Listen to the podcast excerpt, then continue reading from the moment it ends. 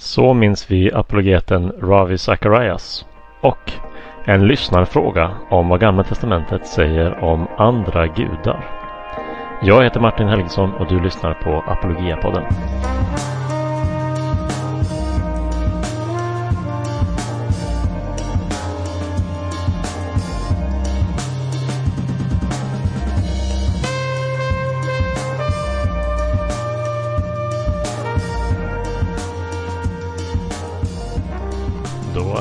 är tillbaka efter ett lite ovanligt långt uppehåll.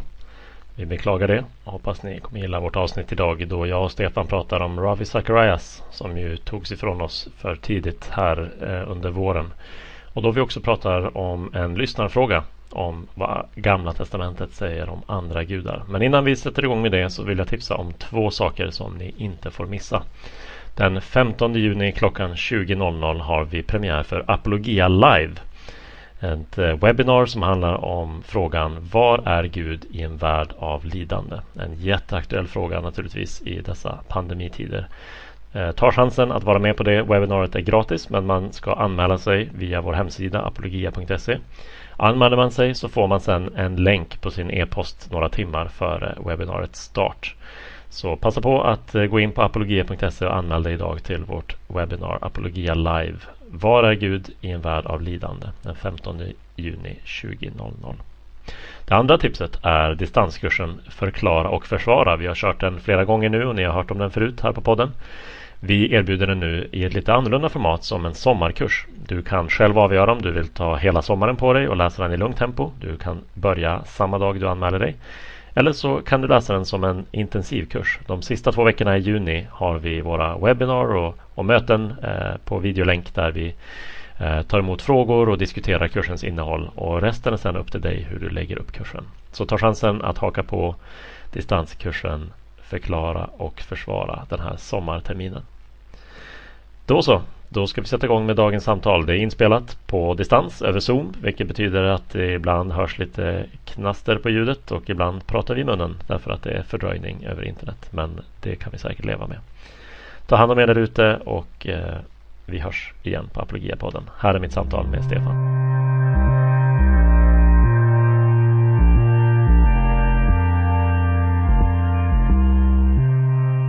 Sådär ja, då är vi tillbaka igen Stefan eh, här i Apologia-podden. Vad kul att, att, se dig och höra din röst. Detsamma, long time no see. Det var länge sedan vi eh, möttes på det här sättet. Ja, det är det verkligen. Normalt så eh, när vi inte har när vi inte har spelat in en podd på länge och ska be om ursäkt till lyssnarna så brukar ju ursäkten vara att du har varit ute och rest en massa. Men det mesta, det mesta brukar vara mitt fel. Ja, precis. Jag hoppas ju att du inte varit ute och rest och farit runt en massa i dessa tider. Helt, eh, helt nedstängd, helt inlåst. Det är bra. Jag vet ju om det. Jag vet att du har lyckats eh, som vanligt eh, undervisa över stora delar av både landet och kontinenten. Men den här gången utan att röra på dig. Har det varit en skön omväxling att inte behöva resa eller är du mest frustrerad av att stå eh, framför skärm och mikrofon jämfört med i ett rum med dina åhörare? Ja, det där är väl en liten mix. Det är väl eh, mestadels eh, frustrerande att inte få möta människor eh, på riktigt. Eh, det, det, är ju en annan dynamik i ett, ett riktigt klassrum och, eh, och så. Så det finns ju en frustration över, eh, över det. Eh, sen finns det förstås en, ehm, en trevlig sida att eh, eh, själva resandet är inte alltid så underhållande och det är härligt att få vara mer hemma och få mer tid tillsammans med sin fru och få lugna ner tempot en liten aning. Så det är klart att det finns positiva sidor så. Mm. Absolut. En en sak som har varit eh, påtaglig såklart i ditt schema och till viss del även i mitt eftersom jag var deltagare är ju att ELF i år genomfördes. European Leadership Forum som vi har pratat om på podden eh, vanligtvis runt april och maj sådär eh, varje år. Att det genomfördes digitalt och att det växte från 800 till knappt 4000 deltagare eller någonting sånt, eller hur? En helt fantastisk eh, digital satsning med eh, med då mångdubbelt fler deltagare. Och där eh, teamet eh, bakom ELF eh, lyckades göra om hela konferensen till en onlinekonferens med en bra bit över 300 olika online-event och det fungerade fantastiskt bra. Mm. Det tyckte jag också som var deltagare i, i ett antal eh, Zoom-möten. Eh, en liten andel av alla de hundratals Zoom-länkar som skickades ut under några dagar. Men eh, det funkade väldigt bra och det är häftigt att se hur, hur man kan lösa en sån här situation. Som, som i, i sig är såklart väldigt tragisk på många sätt och ansträngande för världen. Och det var roligt att det var fler svenskar än vanligt som hade möjlighet att vara med på, på ELF. Så det fanns, fanns en del positiva sidor där. Mm. Eh, det, fanns det, det fanns det absolut. Nej, så jag stod här i vår lilla, i vår lilla studio på kontoret under många timmar och undervisade. Och hade samtal och Q&A och så. Och det, man läser ju efterhand att lägga upp samlingar också utifrån det nya formatet. Och människor lär sig också efterhand eh, hur man bäst kan utnyttja den här situationen. Så det finns ju en växande kompetens både bland oss som undervisar och de som lyssnar hur man kan göra någonting av en, eh, en, eh, en, digital undervisningssession. Ja men så är det ju. Och om lyssnarna kunde se dig just nu på, som jag ser dig på min skärm. Jag sitter ju hemma i mitt hemmakontor och du är inne på Apologias kontor så skulle de ju se den fina lilla studion som numera finns på Apologias kontor i centrala Stockholm med bra mick och bra kamera och snygg bakgrund och, eh, och så du mitt i alltihop då. Just det. Vi, kan ju, vi, har ju kunnat uppgradera, vi har ju kunnat uh, uppgradera utrustningen men, uh, men teamet är ju vad de är liksom. Uh. Vissa, vissa saker i den fallna världen är oföränderliga, så är det. Men man får göra så mycket man... man... kan med det som är, är runt omkring. Ja men så är det. Så är det. På tal om den, den fallna världen, vi konstaterade ju att det, det, var inte mitt fel denna gång att det hade dröjt länge eh, mellan poddavsnitten. Så vems fel är det då egentligen? Undrar ju då ja. alla nyfikna lyssnare. Ja, det blir lätt att peka finger på mig då, men eh, det är ju så att jag har eh, ådragit mig ett, eh, ett virus som det har hörts en del om i nyheterna och eh, jag får hålla mig hemma. Jag har gjort det i lite drygt fem veckor nu eh, och eh, jag mår helt okej okay, men jag ska ju se till att eh, lämna dessa fyra väggar så lite som jag bara kan och få jobba här hemma vid mitt skrivbord så gott det går. Mm, och hoppas att vara frisk snart och tillbaka. Just det. Och då kommer du att vara, ha en lite tryggare tillvaro än, än vi andra som då redan har att du, du då redan har genomgått det hela. Du har ju eh, samtidigt eh, Eh, jobbat på ganska mycket trots, eh, trots, den här, eh, trots det här läget. Jag har kunnat det de flesta veckor. Jag har haft, eh, haft orken eh, och, eh, och det är ju såklart något verkligen att vara tacksam för. Och det kommer kännas eh, bra och som en viss eh, en tydlig situation att komma tillbaka till när man har gått igenom det. åtminstone utifrån vad vi vet så, så ska man ju vara immun ett tag och förhoppningsvis också eh, safe för andra att vara runt eh, och så vidare så att man kan röra sig i samhället och, och känna sig korser. För så eh, just nu känner man ju sig på, påtagligt eh, oren och eh, farlig och så vidare. Och det, det, är en speciell konstig känsla det här med att, att vara isolerad och, eh, och så för andras skull. Ja, det är, mycket som är, det är mycket som är märkligt och som är smärtsamt i den här perioden. Eh. Ja, det är det. Och en av de sakerna är ju det vi skulle eh, komma till som, som en av, av två samtalspunkter i vår podd här idag. Eh, 2020 är ju ett, eh, ett eh, tungt år på flera sätt och eh, en person som vi har mist i år ganska nyligen som vi verkligen vill eh, eh lyfta upp och hylla och prata om är ju eh, Ravi Zacharias som gick bort här i maj Eh, och som eh, är, och har varit en av de viktigaste evangelisterna och apologeterna för den kristna tron eh, under de senaste decennierna. Ehm, jag tror att de flesta av våra lyssnare känner till Ravi till namnet och, och lite grann sådär. Men ska vi beskriva någonting av vem han var och vad, han, vad hans liv och, och gärning bestod i och sådär. Vad vi, varför vi har uppskattat honom, vad vi har lärt oss av honom och vill fortsätta lära oss.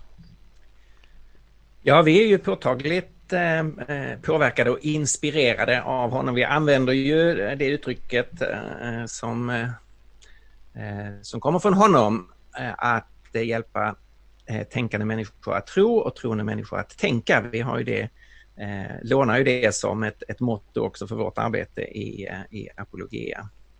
Jag hörde talas om Ravi första gången via en student som kom till Credoakademin Eh, och som hade varit i, eh, i USA och gått en, eh, en kortare kurs där som eh, Ravis medarbetare ledde. Och han kom och frågade mig, känner du till den här mannen? Nej, det gjorde jag inte. Men jag, jag blev förstås nyfiken och började ta reda på mer. Och har ju sen haft möjlighet att följa Ravi Zacharias arbete under många år och, och har också träffat honom vid ett antal olika, Eh, olika tillfällen och ännu mer träffat hans medarbetare här i, eh, i Europa, i England. Eh, han var han var ju född i, född i Indien i en nominellt kristen familj och växte upp utan att vara ett dugg intresserad av kristen tro. Och var en eh, Eh, hade ganska svårt att få ordning på, eh, på sitt liv som tonåring och hamnade i en situation där han inte eh, fann någon mening att leva längre och försökte ta sitt liv. Ett eh, försök som eh, dessbättre misslyckades, så man, eh, man räddade honom till livet. Och eh, då kom det människor på besök till honom i, eh, på sjukhuset. Eh, han fick ett Nya Testamente och någon eh, någon läste ett ord från Johannes evangeliet där Jesus säger jag lever och ni ska också leva. Och det ordet eh, blev den stora vändpunkten för eh, Ravi. Eh, och eh, han beslöt sig från den punkten att eh, eh, han blev en kristen och beslöt sig från den, från den punkten sen att, eh, att tjäna evangeliet. Han eh, han och hans familj flyttade till Kanada. Eh, han läste teologi och eh, började sedan arbeta som evangelist. Eh, han var bland annat rest en del i Vietnam under Vietnamkriget och predikade för amerikanska soldater. Han, hans första lite mer internationella genombrott, om man får säga så, var på en evangelistkonferens som Billy Graham arrangerade i Amsterdam på 80-talet där han var en av huvudtalarna och höll ett, eh, ett väldigt starkt eh, och, väldigt bra eh, tal där.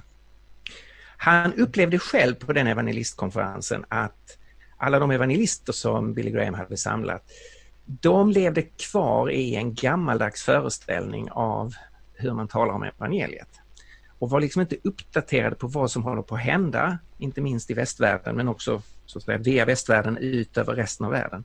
Så det blev också vändpunkten för honom att, eh, att börja jobba med apologetik.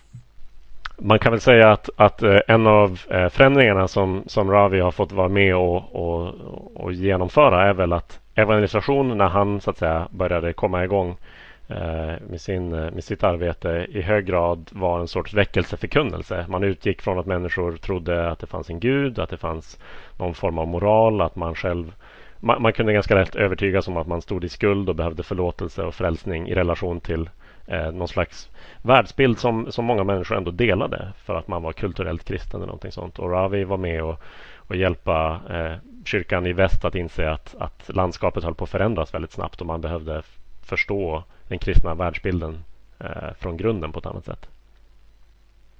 Ja, verkligen. Eh, han talade ju ofta om eh, evangelism undergirded by apologetics, alltså evangelisation underbyggd med hjälp av apologetik. Och han, hans, hans evangelisationsarbete och hans apologetik hade ju en väldigt, en väldigt både existentiell och kulturell dimension. Alltså han, han talade på ett väldigt intelligent sätt till människans eh, längtan, till människans känsla, till människans, eh, människans moraliska dimension. Eh, han använder ju väldigt mycket berättelser, eh, stories. Han, för att vara en apologet så citerade han ovanligt ofta dikter. Eh, men han vävde samman eh, sina budskap så att de blev ehm, blev ganska drabbande. Eh, kan man säga. Så att han hade en alldeles egen, en alldeles egen stil som, eh, som kommunikatör. Ja. Hur mycket tror du att eh, hans ska vi säga, hans väldigt viktiga insikt på det här området då att, att evangelisation i väst behövde förändras. Hur mycket av det uh, hans insikt tror du bestod i eller berodde på att han själv kom österifrån och hade så att säga, han, han hade en sorts blandning av, av eh, outsider och, eh, och insider perspektiv på den västerländska kulturen. Att han kunde se det. Jag tänker på andra figurer som eh, varit viktiga under 1900-talet är Leslie Newbegin, en engelsk missionär och det var när han först lämnade västvärlden och sen kom tillbaka som, som han förändrade sin syn och se på, på vilken sorts evangelisation som behövde i väst. Är det, hur, hur stor del av, av eh, förklaringen till Ravis viktiga bidrag ligger i det? Att han kunde eh, ha liksom den sortens mer objektiva, distanserade eh, perspektiv på den västerländska kulturen? Jag, jag, tror att det har spelat ganska stor roll. Han är då född och uppvuxen i Indien som ju är en väldigt pluralistisk kultur. Även om det, det västerländska inte är så starkt där så är det ju liksom inom Indien och det, det indiska en enorm pluralism. Eh, och det finns förstås en, en ganska stor muslimsk närvaro så, så att han har ju levt i det mångkulturella, mångreligiösa redan från början. Och sen när de flyttar till väst eh, Eh, och han läser vid universitetet i, eh, i Kanada och sen i USA. Så, eh, eh så lär han sig ju det västerländska och han kan västerländsk idéhistoria, inte minst västerländsk litteratur. Eh, men då får, har han ju en, en mycket mer mångbottnad bakgrund än de flesta av oss. Eh, att han både kan den västerländska kulturen men han kan också se den helt, helt utifrån och han kommer från en position där det pluralistiska, alltså att man har många olika uppfattningar runt omkring sig, är det, eh, det, det är självklara. Och så har ju väst blivit under hans livstid.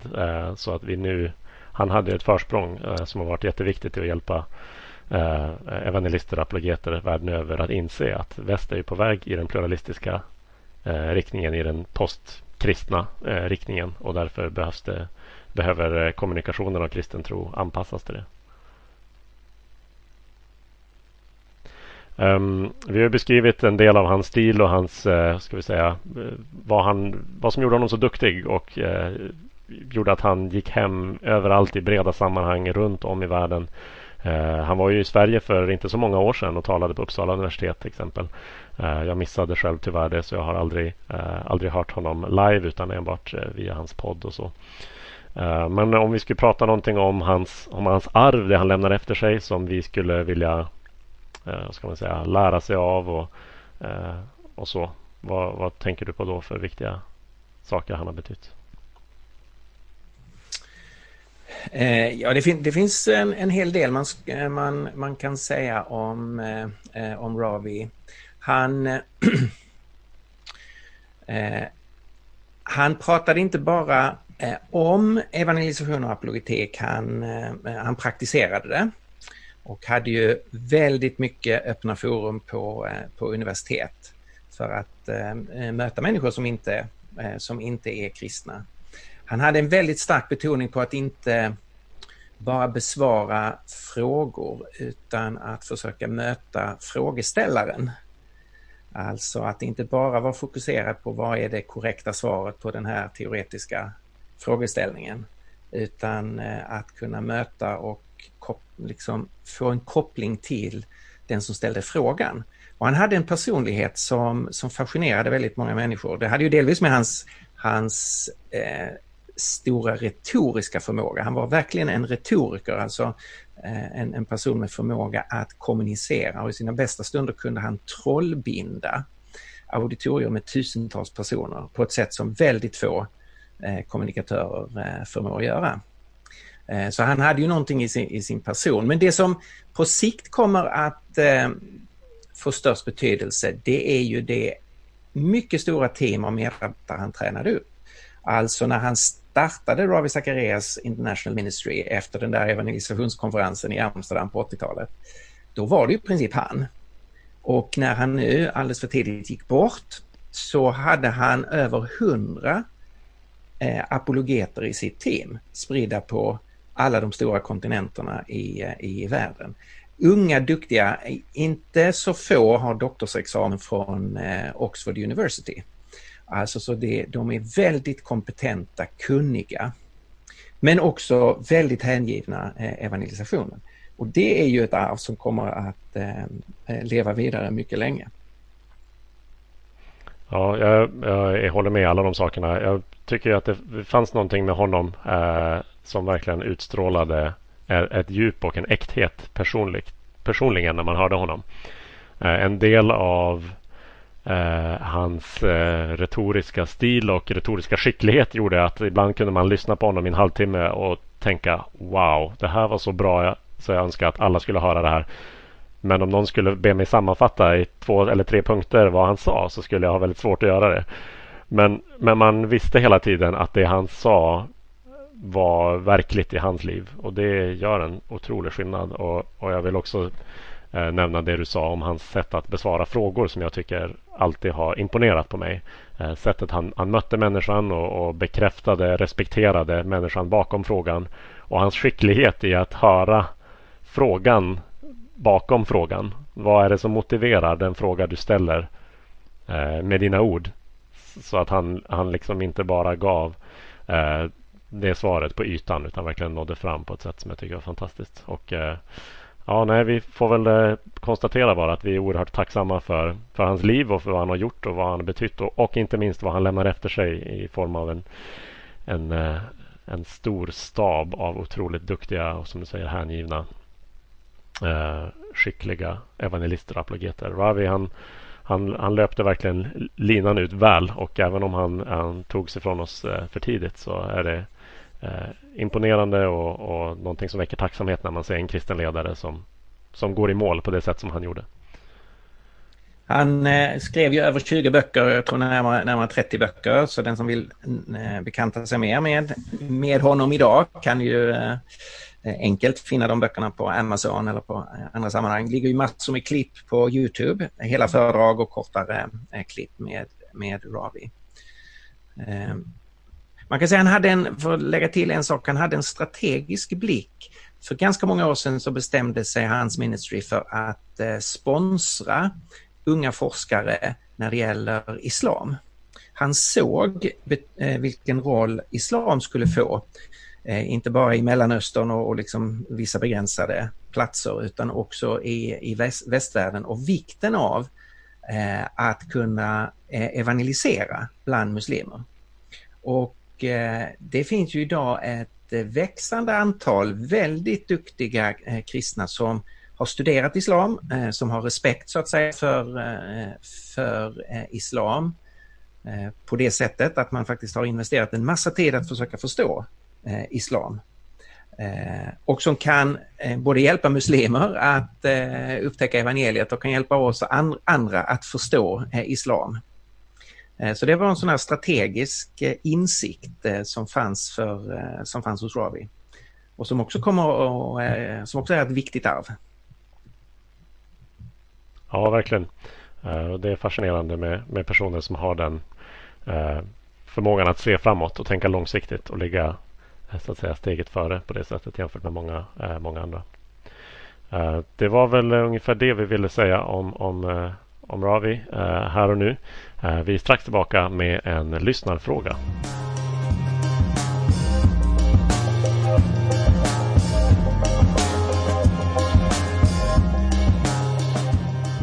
Så, eh, ja Stefan, vi får ju ibland in någon fråga till oss här på Apologia. Ibland speciellt i podden, ibland bara via mail till oss personligen. Och det är ju såklart jättekul att få det och man får jättegärna skicka frågor till oss. Eh, man kan skicka dem direkt till podd apologia.se podd apologia.se eh, Stava podd med två D så kommer det definitivt fram. Eh, så tar vi upp sådana frågor här på podden ibland. Och idag så tänkte jag att vi skulle prata om en fråga som har kommit till oss från Gabriel. Han skriver så här. Jag läser just nu religionsvetenskap A på universitetet och stöter på en sak jag inte tänkt på. Tydligen så var judarna till viss del polyteister, enligt en bok jag läser. där Jahwe var en, en hednisk gud och Elohim en annan gud som senare utvecklades till en monoteistisk gud. Är detta sant? Om ja, hur rättfärdigar man, rättfärdigar man det som en kristen? Tack för möjligheten att ställa frågan. Ja, polyteism i Gamla Testamentet, eh, Stefan. Vad, vad är det här för tankegång? Vad är det här för idé? Ja, tack för att du ställer den frågan, eh, Gabriel. Alla som läser eh, teologi eller studerar, läser Gamla Testamentet vid universitetet möter ju den, eh, det, det påståendet. Och det gör man ju därför att det i Gamla Testamentet finns ju mängder med texter som alldeles uttalat är monoteistiska. Alltså som hävdar det finns bara en enda gud och som hånar eh, andra eh, religioner runt omkring och hånar avgudadyrkan och säger det här är ju eh, folkens gudar är ju bara tomhet. Eh, det finns ju ingenting bakom dem så att säga. Det är ju bara avgudabilder som en konstnär har gjort. Om man verkligen markerar den monoteistiska tron.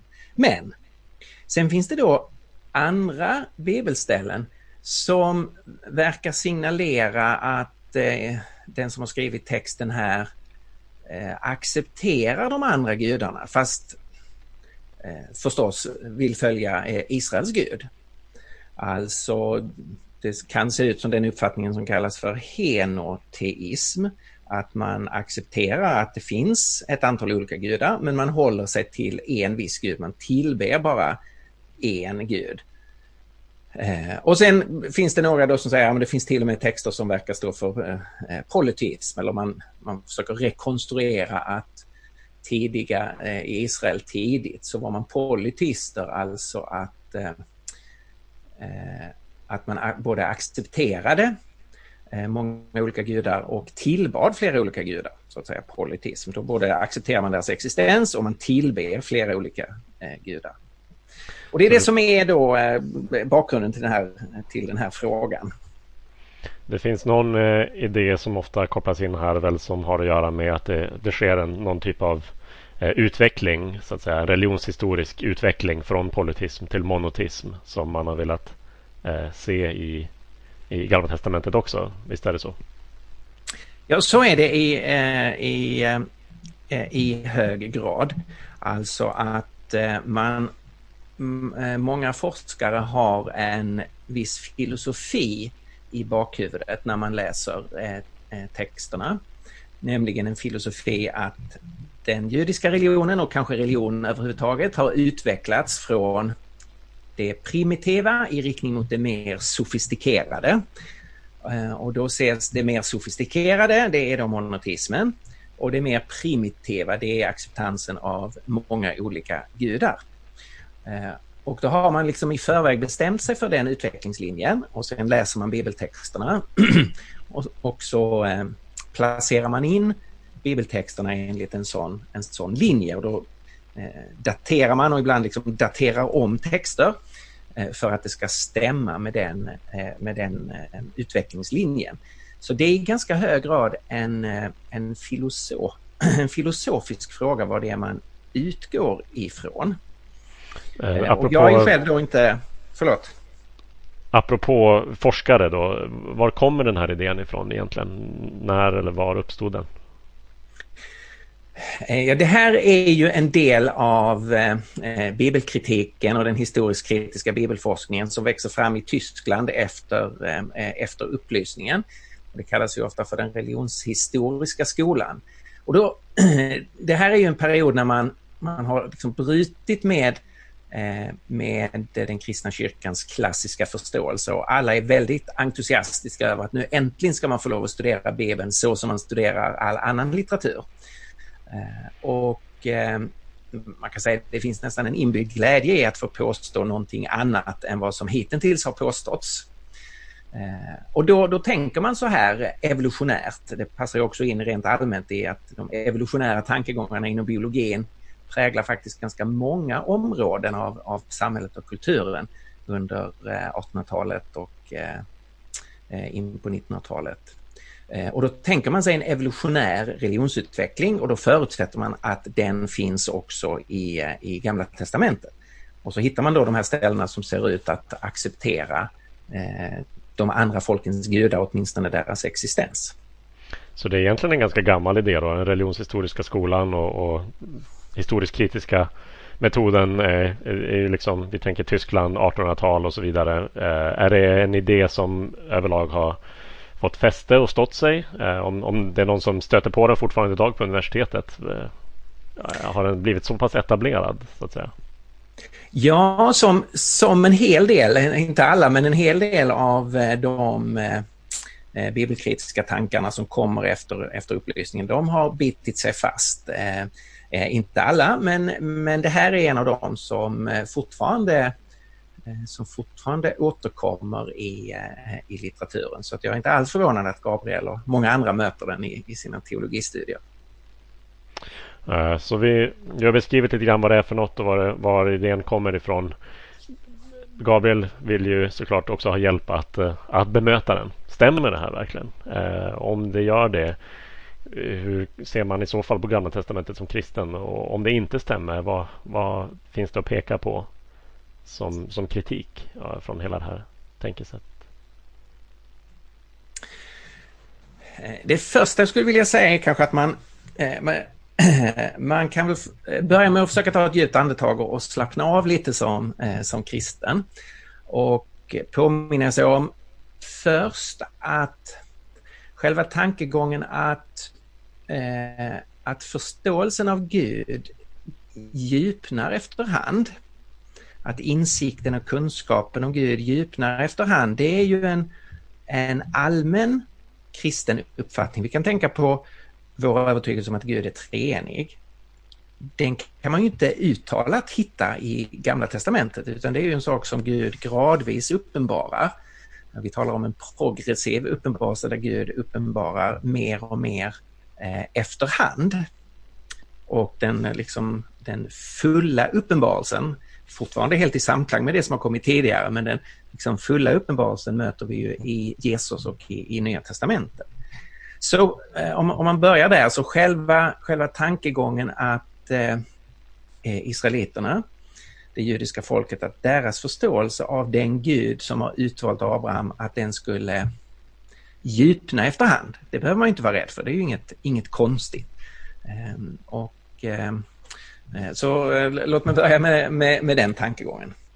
Men det som, det som sen då eh, blir problematiskt, det skulle ju vara om, om Bibeln skulle liksom utgå från att andra gudar finns i ett tidigt skede, att de existerar och sen längre fram liksom, nej hoppsan, det gjorde de visst inte, det finns bara en enda gud.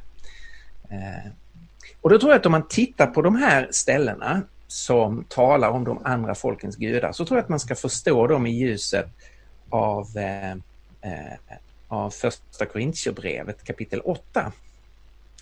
Där Paulus å ena sidan kan säga att eh, det finns väldigt många gudar och så var det fortfarande i, runt Medelhavsområdet när Paulus eh, verkade. Och han kan först tala om som om de gudarna finns därför att sociologiskt existerar de ju. Alltså i den meningen att människor tror på dem, att det reses tempel till dem, att människor tillber dem. De är en faktor i eh, den eh, i den mänskliga samlevnaden så att säga. Där den, den kristne som tror på den enda guden lever tillsammans med människor som tror på många andra gudar. Eh, men sen kan han bara ett par eh, andetag senare, Paulus i första Korinthierbrevet 8, slå fast att men de är ju inga verkliga gudar. Därför att det finns, vi har bara en enda gud, han som har skapat allting. Det finns bara en enda Herre, Jesus Kristus, som är från vilken allting kommer. Eh, så jag tror att man i huvudsak ska läsa de, de här texterna som ser ut att ta de andra gudarna på allvar i det ljuset. Det vill säga att om de gudarna har eh, tillbedjare så är gudarnas metafysiska, så att säga, verkliga existens. Det är inte den avgörande frågan för själva idén om att de finns kan ändå utöva en makt och, och så att säga binda människor i en form av, av tillbedjan som är destruktiv och för dem bort från den sanne levande ende guden. Ja, i, i, i högsta grad så. Eh, I högsta grad så. Och eh, det är ju eh, ur ett kristet perspektiv så är det ju inte eh, de olika avgudarna är ju inte bara vanföreställningar, alltså bara tomhet, bara mänskliga konstruktioner, utan vi anar ju också att det finns inte, inte en gud, men att det finns i väldigt många fall andemakter där bakom. Alltså att det är den onda maktens spel med människor. Eh, och därmed så kan man ju säga att de gudarna finns inte så som gudar och så som de tillväxt. Men det finns ju fortfarande någonting där bakom. Det är inte, vad ska man säga, ett neutralt luftslott. Utan det är ju någonting som förblindar och förleder och förför människor. Eh, under, under bilden av en gud så att säga. Eh, så, så, det kan ju också finnas med i när, när man tänker på hur, eh, hur eh, Gamla Testamentet talar om de gudarna. Man ska ju notera att det helt dominerande eh, inslaget i Gamla Testamentet, det är ju det monoteistiska inslaget. Alltså det är den helt dominerande tankegången som möter oss eh, rakt igenom Gamla Testamentet från den, det allra första kapitlet, kapitel 1, hela vägen till, till Malaki. Så det är inget konstigt att läsa Gamla Testamentet tycker jag i ljuset av det som är dess dominerande huvudtanke. Och de lite färre ställen då som skulle kunna indikera någonting annat tycker jag eh, bäst läses i ljuset av det som är den, den, eh, den grundläggande tankegången. I, eh, när vi först beskrev den här idén och du, du talade om så att säga lite grann ja, beskrev vad, vad den var för någonting så antyder det också någonting som är ett, ett väldigt stort problem också på dess egna eh, ska vi säga, vetenskapliga villkor. Nämligen att om man tar ett, ett, ett paradigm, ett, ett mönster som man har konstruerat på förhand, i, kanske utifrån någon annan, eh, någon annan textkälla eller utifrån eh, någon slags allmän eh, föreställning som då den här religionshistoriska skolan eh, hade om att all religion förs och, och utvecklas längs en viss entydig eh, linje och sen projicerar den på Bibelns textmaterial så, så har man ju inte... Det, det finns en fara här i att man inte gör verklig empirisk vetenskap. Att man inte läser texterna och, och tar dem själva på allvar. Uh, också ur deras eget förment så att säga och, och utifrån deras vetenskapliga ambitioner så det, blir det här väldigt lätt en, en felläsning där man så gärna vill bekräfta sin egen hypotes att allt som stämmer med den eh, eller skulle möjligtvis kunna stämma med den betonar man mycket mer än allt det som inte gör det och så vidare. Eh, för det är ju inte ett, ett intryck som naturligt eh, skulle jag säga drabbar en, en GT-läsare att att det finns en, en mångfald av gudar och att eh, ja, ännu mindre att man skulle kunna tillbe olika av dem. Ja, man kan ta ett, ett, ett exempel på det. Eh, ett bibelställe som ofta anförs är femte Mosebok kapitel 32, vers 8. Som kan se ut som om, de, som om det finns olika gudar som har fördelat de olika folken och att eh, Israels gud fick Israel på sin lott. Medan så att säga andra gudar fick andra folk på sin lott. Eh, och då säger man så här, nej men titta här, här har vi ett fragment av en tidigare övertygelse. Men det hela är väldigt konstigt därför att femte Mosebok, den har ju en jättestark betoning på den enda guden. Det är ju i femte Mosebok som vi hittar Israels trosbekännelse. Hör Israel, Herren vår Gud, Herren är en. Eh, och den här versen i, i eh, kapitel 32, den, den kan, det kan ju eh, vara en svårighet men, men det bygger så att säga på att man, man redan har antagit att här finns en förhistoria och här hittar vi ett fragment av den förhistorien på något sätt kvarglömd här i, i femte Mosebok som för övrigt bety, eh, betonar eh, eh, Israels Guds eh, suveränitet. Eh, och det, det, kan illustrera det här att det i ganska hög utsträckning är resultatet av en filosofisk, en i förväg antagen filosofisk övertygelse om hur religionen har utvecklats och så letar man då efter någon sorts kvarlevor av detta i de texter som vi har. Ja, nej, men det, det är ju verkligen så. Det är ett problem att, att komma till texten med den sortens förantagande. Uh, men om, om vi tittar på det antagandet i sig och utveckling från polyteism till monoteism. Är det, är det möjligt? Är det ett rimligt skeende? Det är ju väldigt olika gudsuppfattningar i de typerna av system, eller hur? Ja, det är det verkligen. Eh, så nästan allt är ju principiellt möjligt att, att, tänka sig, så det är klart att man, man kan tänka sig det. Det är ju det en massa forskare gör. Men jag tycker man då undervärderar den, den principiellt mycket stora motsättning som finns här. Alltså polyteistiska gudar, de, eh, de har ju alltid ett ursprung. Det finns en teogoni, alltså gudarnas ursprung. De har alltid uppstått ur själva tillvaron. Och det, det, finns då myter om hur gudarna föds. Först är det kaos och sen ur detta kaoset föds gudarna.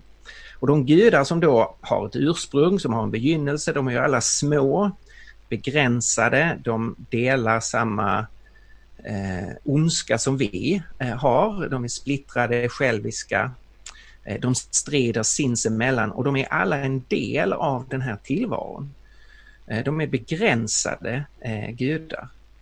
Medan den helt unika gudsföreställningen som finns hos israeliterna och som vi möter i Gamla Testamentet, det är ju om den monoteistiska gudsföreställningen. En gud som är, som är existens. Det är ju själva hans namn. Jahve, jag är varande. Han har ingen tillblivelse, han har aldrig blivit till. Han existerar i kraft av sig själv. Han har inte begränsningar i tiden att han har blivit till. Eh, han, har, eh, han delar inte vår splittring av ondska. Han är helig och eh, god.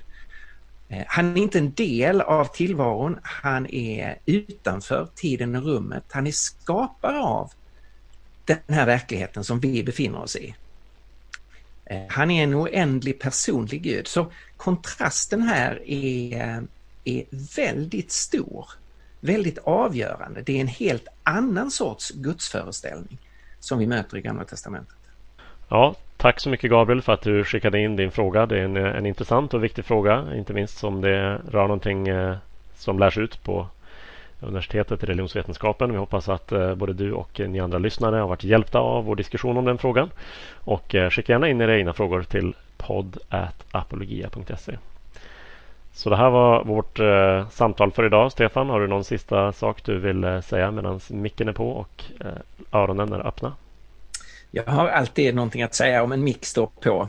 Så det här var en eh, väldigt bra och intressant eh, eh, fråga. En massa andra frågor som besvaras möter man i eh, den nya bok vi har gett ut. Eh, en bok av Natasha Crane som heter Rusta dina barn apologetisk vägledning för kristna föräldrar. En fantastiskt bra bok som jag eh, helhjärtat rekommenderar till alla föräldrar oavsett ålder på barn. Där man som förälder kan få hjälp att tänka igenom de grundläggande frågorna i kristen tro. Så kolla in apologia.se, Natasha Cranes splitternya bok Rusta dina barn. Mm, där har man något att läsa i, i hängmattan i sommar och inte bara läsa för egen del utan sen eh, ha intressanta samtal om med sina barn under sommarlovet. Tack för idag då Stefan. Vi eh, hörs och ses snart. Tack så mycket Martin.